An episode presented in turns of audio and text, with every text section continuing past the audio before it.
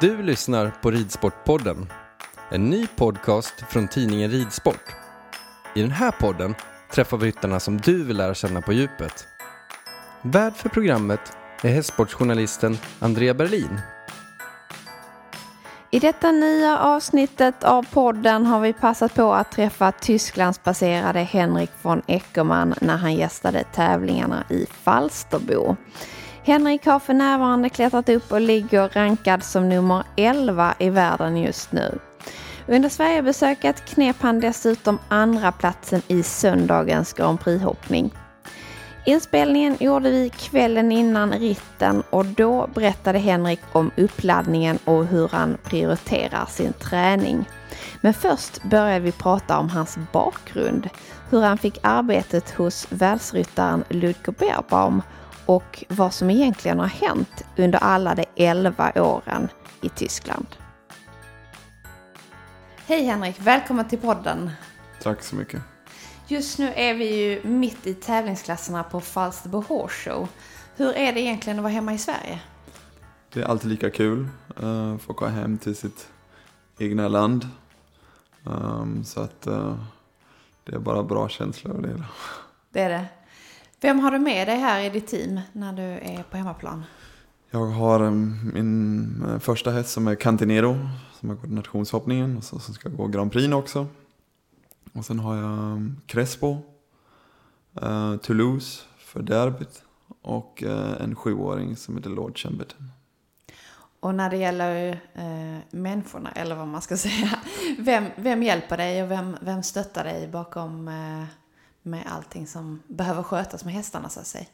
Jag har två hästskötare med mig faktiskt här. Normalt åker vi med en, men i Falsterbo med fyra hästar så har jag den lyxen att jag fick ta med mig två. Så det är Nanna och Tia, två finska tjejer. Ja, och sen är det, är det någon eh, i familjen som är här? Min storebror och hans fru och hans lilla son Wilhelm eh, och mamma och pappa. Brukar de komma och kika på dig när du är och tävlar i Sverige? De försöker komma så fort uh, uh, det finns möjlighet och är inte alls för långt borta. Um, mamma och pappa bor ju inte så långt från Göteborg så när Göteborgstävlingen är så passar de på att komma och kan vi träffas lite grann. Ja. Men hur är känslan så här när du är i Falsterbo? Känns det som du är hemma eller är du, är du på bortaplan? Absolut känns det som jag är hemma. Mm. Um, även fast jag har bott som här 11 år i Tyskland så är fortfarande ett hjärta till Sverige. Mm. Och jag är lika glad varenda gång jag passerar gränsen över till Sverige. Det är så. Men hur många gånger per, per år är du här? Um, normalt sett är det de Göteborg och Falsterbo, kanske Mm. Globen eller då Friends som det är nu. Um, och uh, julafton. Så ser det normalt sett ut. Bara julafton? Bara julafton eftersom vi har då London eh, Olympia som är innan julafton och sen kommer Mechelen som är precis innan nyår så att eh, det blir en kort eh, vistelse. Eh, men för julafton så är det värt att åka hem. Ja.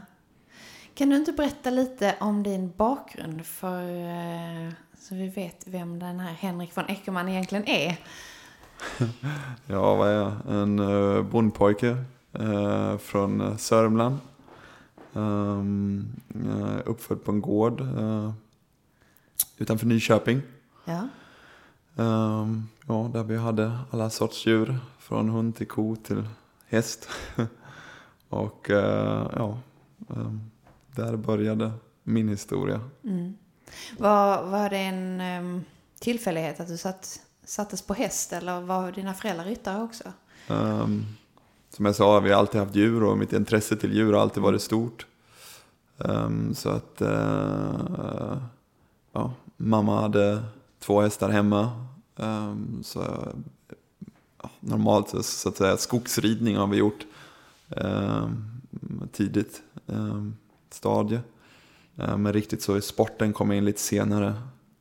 Uh, jag provade många andra sporter först. Mm. Som tennis och fotboll och ishockey och allt vad det nu var. Ja. Uh, men uh, det var inte den största talangen, måste jag väl erkänna. Okej. Uh, så att, ja, prova på ridning igen. Ja. Men dina, dina föräldrar, de, de tävlade inte? Inte det, nej. Nej. Ingen tävlings, nej. Eh, men du har liksom alltid känt dig som en hästkille. Är det, har det varit tillsammans med tjejerna i stallet eller Ja, hur började det? det var ju inte nackdel att det var så mycket tjejer som red. Nej. Ska man väl eh, säga. Ehm, men eh, det var alltid intressant. Eh, mina föräldrar de åkte alltid till Göteborg Horse Mm. ehm, varje år.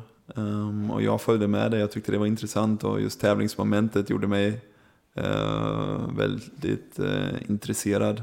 Ehm, även fast jag inte var så bra i de andra sporterna så har jag alltid varit väldigt tävlingsinriktad. Och, ehm, så att eh, tyckte ändå det såg väldigt intressant ut och ehm, ville prova på det. Mm. Har du någon annan sport som du gillar förutom ridningen? Många olika sporter som jag tycker är intressant. Eh, jag kollar på allt från tennis till fotboll till ishockey till golf. Eh, just för att jag tycker det är intressant att se de bästa på de olika, i de olika sportarterna. Ehm, eftersom jag är fascinerad över att ja, så många eh, spelar ingen roll egentligen vilken sport man gör, men att vara absolut i toppen eh, så krävs det verkligen eh, talang och styrka och det är intressant att se vad alla eh, kan, eh, hur de gör det och så vidare. Mm. Du har börjat träna lite själv också, vid sidan om ridningen. Eh, vad gör du då?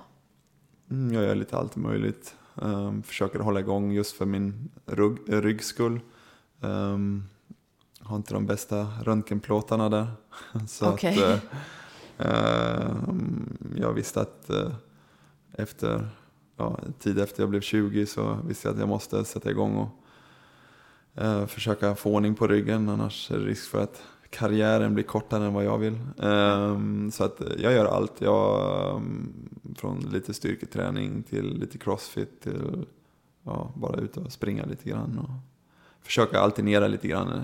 Jag menar ridningen blir annars, vi gör ju det så många timmar om dagen och det blir så ensidigt. Mm. Försöker ja, hålla ihop kroppen på bästa sätt. Mm. Har du någon speciell tränare som hjälper dig då eller? Eh, Vi har en, en tränare som kommer till stallet Mm. ehm, som eh, eh, hjälper oss en gång i veckan.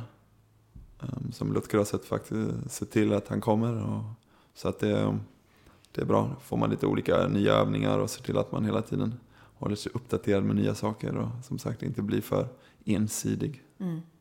Men tycker du det är en ur- ursäkt där att man, man inte har tid att träna vid sidan om hästarna eller? Absolut.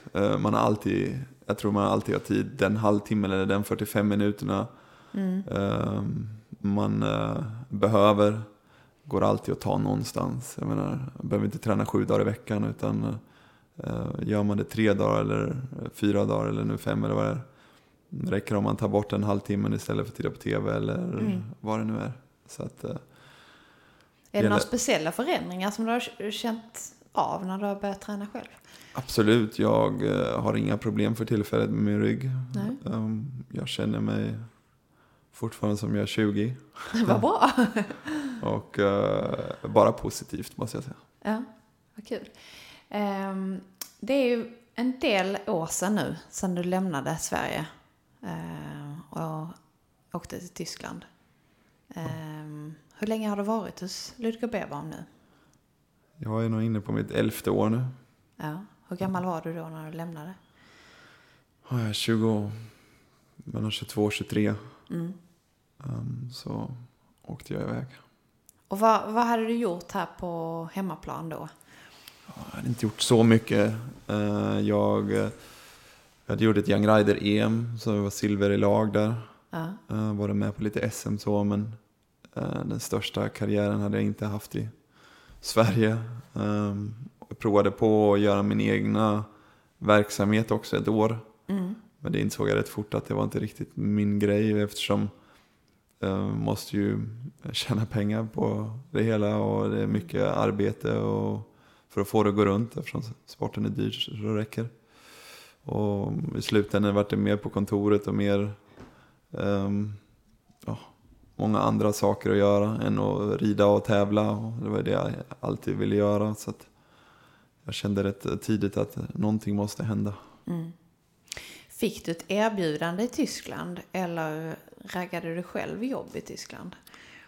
Jag hade den turen att jag kände den um, hästskötaren som jobbade för Lutker okay. sen tidigare. Mm. Um, och jag var alltid väldigt... Uh, Lutker var väl min idol så att säga. När jag, uh, har han alltid varit. Jag menar han var ju också nummer ett i världen under många år. Mm.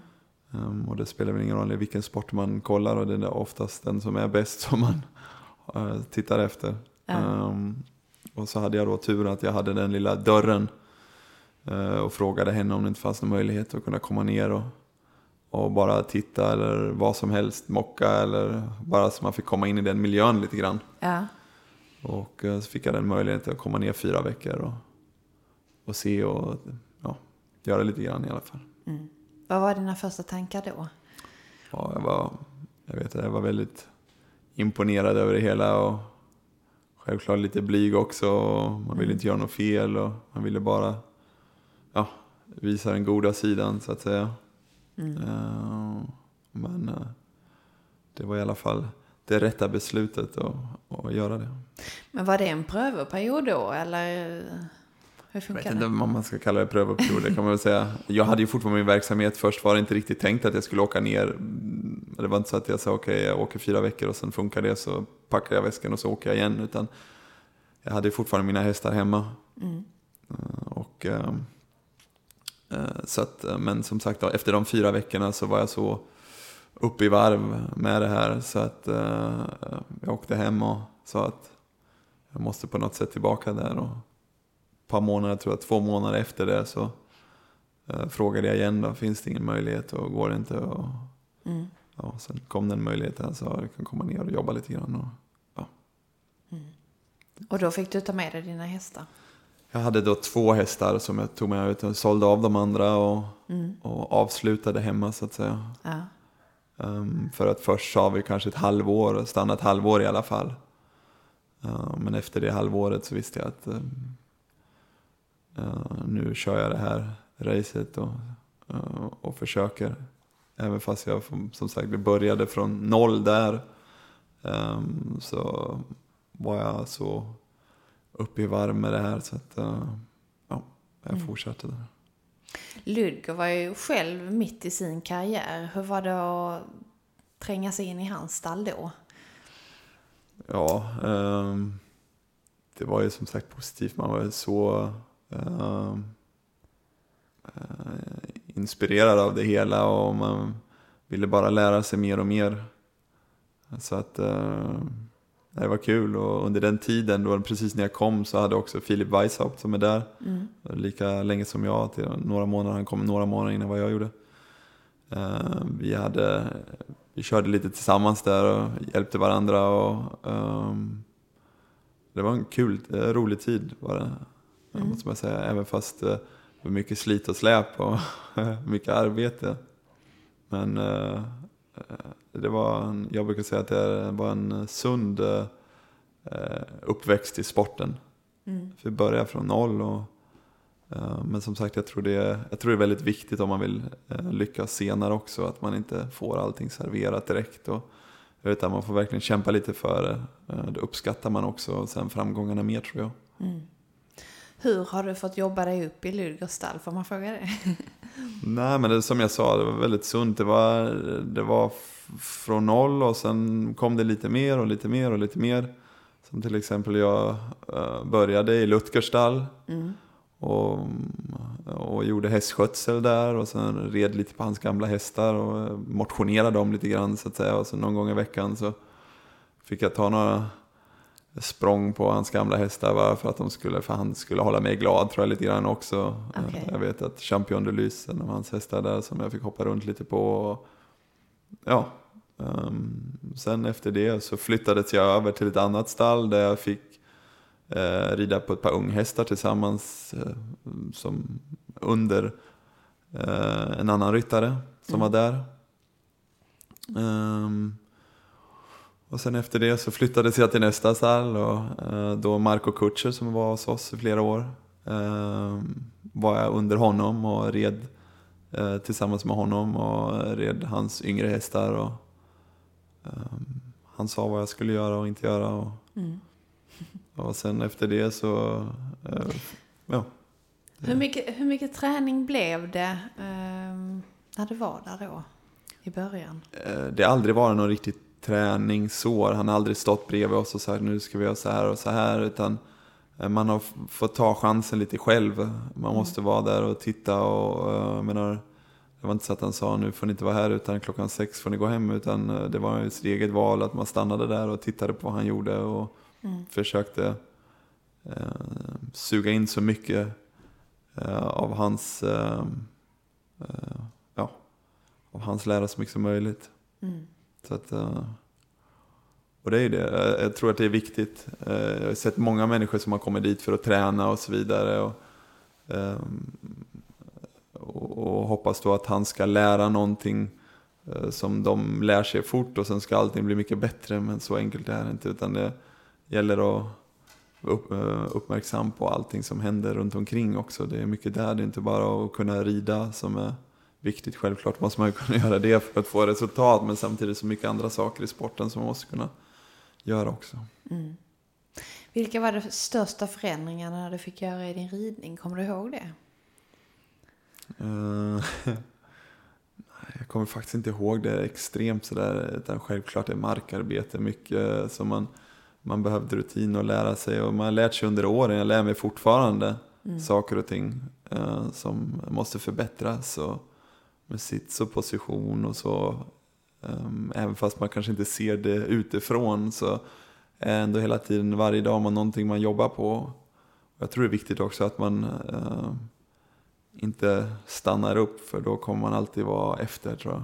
Och det är en stark grej som Lutger har. Han har alltid, även fast han är 52 år gammal nu så har han hela tiden försökt att utveckla sig själv också. Även fast han har varit nummer ett genom åren så, eh, så försöker han också ehm, tänka att man inte är fullärd så att säga. Ja, precis. Får han tips av er någon gång? Har det blivit så att eh, omvänd, eh, omvända roller?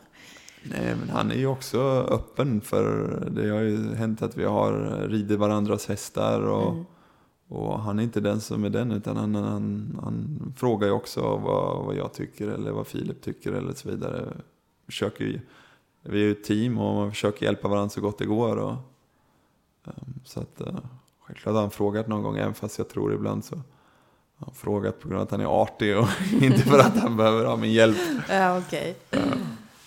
Men är det, det är ingen speciell typ av ridning som, mm, som har krävts liksom, för att Ludvig ska bli nöjd? resultaten eh, talar för sig själv. Ja, okej. Nej, men eh, det är viktigt att man kämpar på och, och att man eh, menar, misslyckas, det gör vi alla. Men det gäller att bara ställa sig upp igen och försöka igen. Det är det som är viktigt och inte ge upp. Många av ryttarna i stallet har ju ganska lik ridstil. Om man tittar på dig och Weishaupt och Kutcher. Och, är det någon anledning till det? Det är väl antagligen eftersom vi rider med varandra hela dagen. Ehm, eh, man tittar på varandra och så, men egentligen är det ingenting som man gör eh, som man tänker på att gud, jag måste sitta som Lutger eller jag måste sitta som Marco eller så vidare. Utan det är någonting som har kommit automatiskt. Jag tror det är svårt att kopiera människor, eh, hur de rider. Ehm, så att... Uh, sen är det väl lite grann, vi har samma kavajer.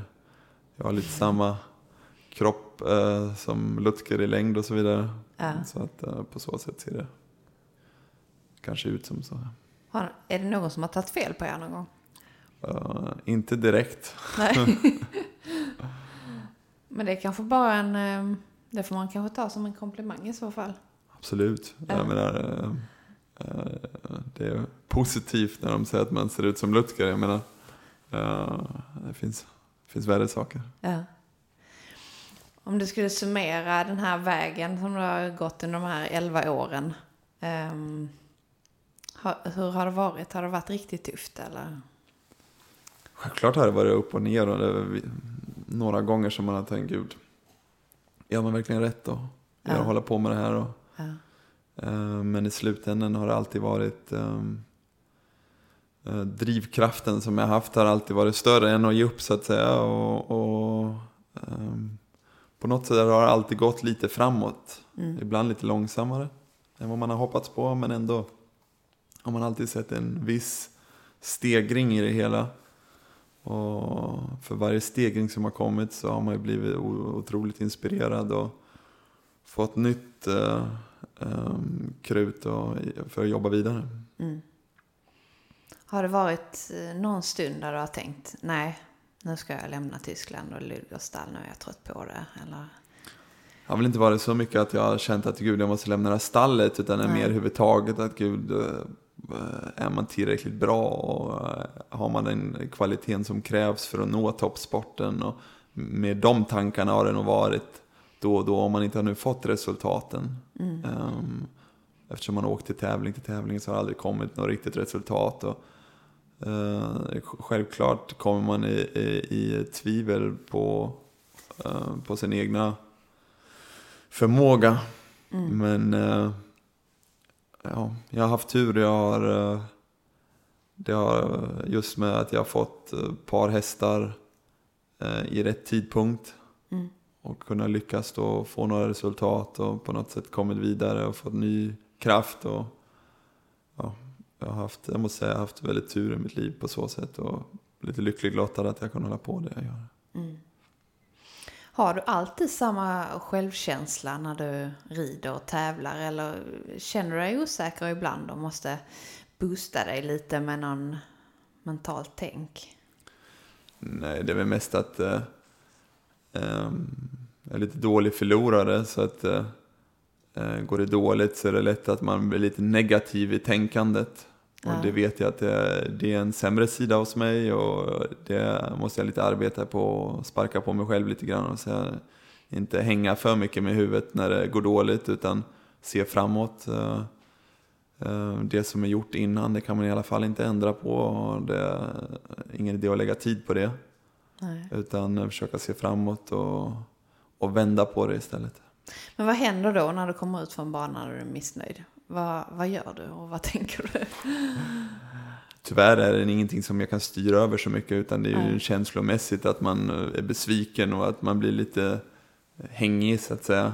Ehm, och, men uh, genen det är också en rutingrej. Eh, för några år sedan då tog det ett par dagar innan man tog sig upp igen och sa att okej nu kör vi på igen. Nu tar det kanske lite mindre tid. Det tar inte ett par dagar längre utan eh, man vet vad det handlar om. och Eh, Man får spotta i nävarna igen och säga att det finns en ny klass, det är en ny chans. Ja. Eh, Och uh, på det igen.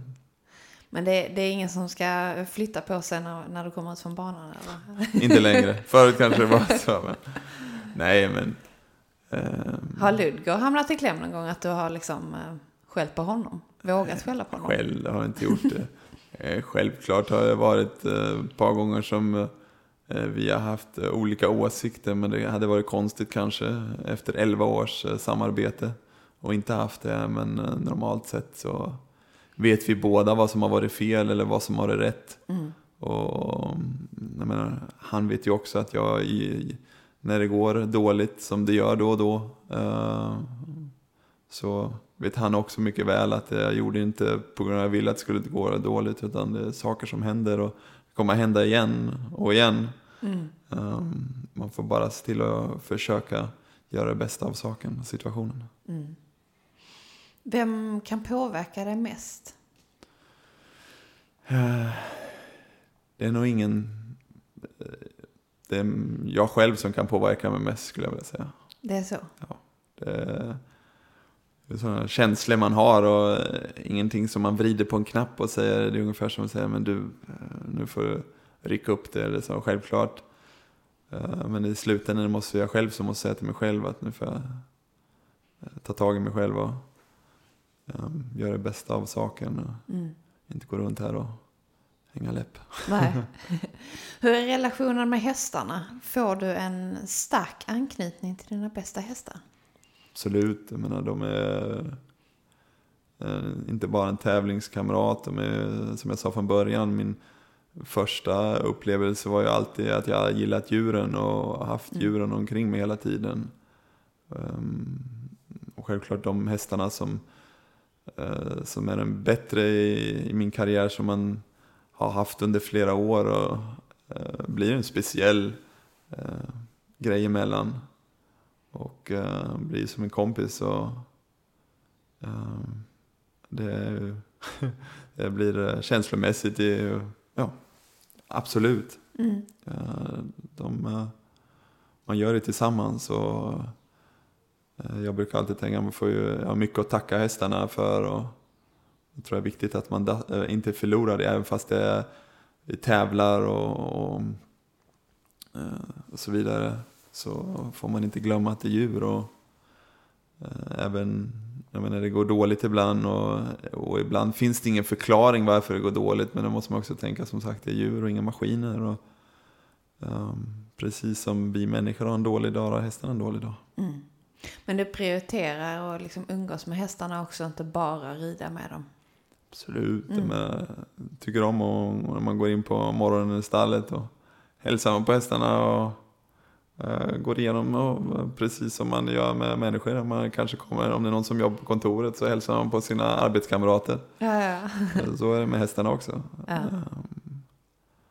Ja, jag tycker om att vara runt, runt hästarna bara. De eh, ger mig i alla fall en lugnande effekt. Och de, ja, det är det jag tycker om att göra. Är det någon speciell individ som du känner så här, nej den här hästen hade jag inte velat bli av med? Många, självklart de bästa hästarna man har, det ska man inte sticka under med stolen. De som man har lyckats med mest och de som man eh, upplever mest med, de betyder någonting mer extra. Eh, men någonstans har alla, alla sin eh, skärm någonstans. Och, så att, men självklart. Och sen är det en och annan häst som har lite mer karaktär än den andra kanske. Mm. Jag vet kanske att det är en svår fråga, men har ni någon speciell träningsfilosofi i stallet? Ja, nej, det är många som frågar det och som, Ja. just som frågar vad gör ni för att det ska gå så bra och så vidare. Och, eh, jag har alltid samma svar att vi gör så lite som möjligt alltså med själva träningen. Försöker inte göra det så komplicerat utan hålla ridningen så lätt som möjligt. Ehm, det som är viktigt för oss det är just att allting runt omkring det är ju som sagt inte bara ridningen utan allt måste stämma, hela paketet. Ehm, från mm, grovfoder, så att säga, hö, att det är det bästa, ehm, till hovslagare, till veterinär, till ja, resa med hästarna, till allt som är runt omkring. Det måste vara eh, så perfekt som det bara går. Mm. Och det är du med och planerar och styr eller? Ja, vi försöker allihopa hitta hela tiden utveckla det och se vad vi kan göra bättre och få så att vi får det optimala för hästarna. Mm. Du har ju en väldigt unik eh, hästägare, Madeleine Winterschulze. Eh, vill du berätta lite om er relation och hur hon har samband med ert stall? Okej, Madeleine har ju eh, sponsrat Lutger under många år med hans bästa hästar. Mm. Och ehm, en em, unik person genom att hon gör det bara genom sin glädje med hästarna. Eh, sen har hon den ekonomiska möjligheten att kunna göra det så. Ehm, men eh, fortfarande är det att hon verkligen, man ser att hon tycker om djuren och hon gör det för djurens skull och självklart vill hon också ha eh, framgång annars hade hon inte valt eh, de ryttarna som hon har med Lutger och Isabel Wert och även i eh, fälttävlan den bästa. Ehm, så att, eh, men samtidigt så är hon otroligt, hon vet precis sporten hur den är. Att eh, vi gläds när det går bra. Men när det går dåligt så är det också eh, så är hon den som står först och säger du, imorgon går det bättre och jag tror på dig. Och, så att hon är otroligt, eh, otroligt skönt att ha henne i ryggen så sätt. För jag menar, tvivlar det gör man då och då själv i alla fall eftersom eh, det går tyvärr oftare dåligt än vad det går bra. Eh, så är det alltid skönt att någon står bakom och säger att men vi tror på dig och så vidare. Istället för att någon står men nu får du skärpa till dig och se till att få ordning på det här.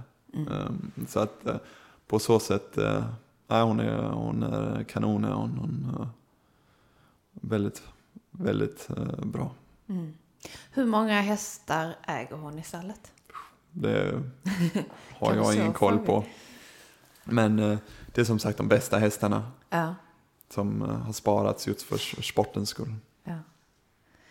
Skulle du kunna tänka dig att det finns någon, mer, någon annan situation som är, skulle vara mer fördelaktig egentligen? För mig då? Ja. Eh, ja, alltså självklart. Eh, de hästarna som jag rider till 95% i alla hästar till salu. Mm. Eh, och man är alltid lite orolig när man får fått en häst att gå så långt som, så det är dags att eh, prestera på den högsta nivån. Och, och, det är ju ändå en lång väg innan man kommer just dit. Och då är man alltid lite eh, osäker och risken att den hästen säljs då. Mm. det, är ju, det är ju det jag får räkna med. Mm. Så självklart hade den situationen kommit att man hade haft en ägare som sa okej, okay, de här hästarna de säljs inte utan vi satsar 100% på sporten. Och, det är väl den optimala eh, som man kan komma till, eller som jag skulle kunna komma till. Mm. Eh, men eh, jag har det väldigt bra som jag har det nu eh, och kunnat komma så långt som jag kommit hittills. Jag hoppas att jag kommer fortfarande en eh, bit till. Mm. Ehm, men eh, ja, det är väl det som jag hoppas en dag skulle kunna komma. att man har det som till exempel som Lutker då, att han har den här sponsorn som säger okej okay, vi investerar hästar till dig och det är just för tävling och det är tävlingen som är nummer ett och inte att sälja och så vidare. Mm. När du drömmer dig bort lite om, om hästar och karriär och så, vad tänker du då?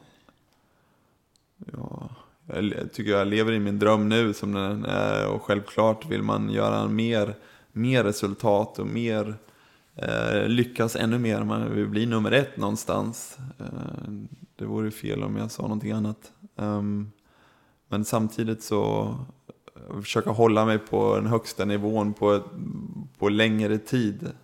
Uh, för som sagt, jag gillar det jag håller på med och jag gillar den vardagen jag har. Och, uh, så att, uh, ja.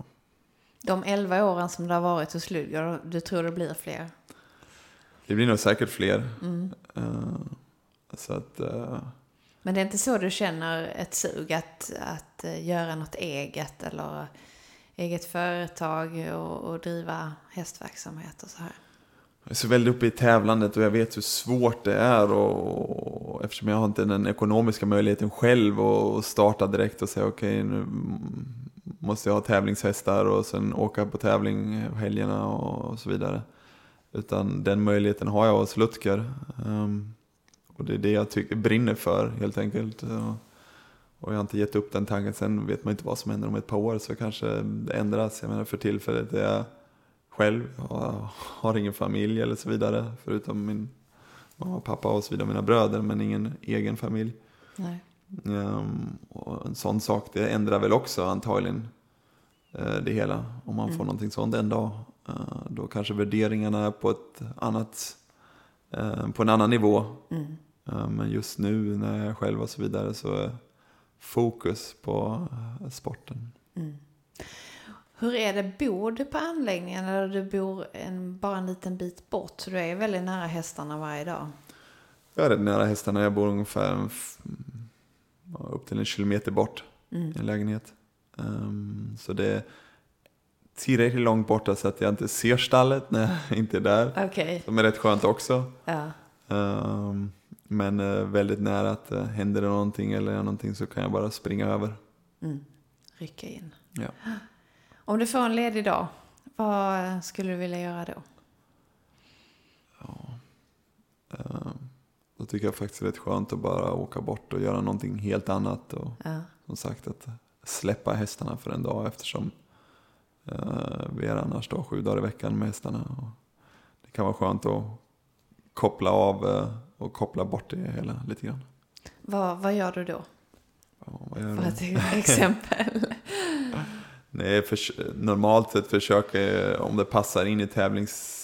Oftast blir det väldigt kort, eh, eh, kortfattat det hela, att det kanske blir någon tävling som inte blir av eller så vidare. Så har man två dagar så man säger okej nu eh, finns den här luckan Mm. och kanske man kan åka hem eh, två dagar eller man åker bort två dagar till någon kompis eller någonting sånt där för att göra någonting helt annat. Bara för att komma bort lite grann.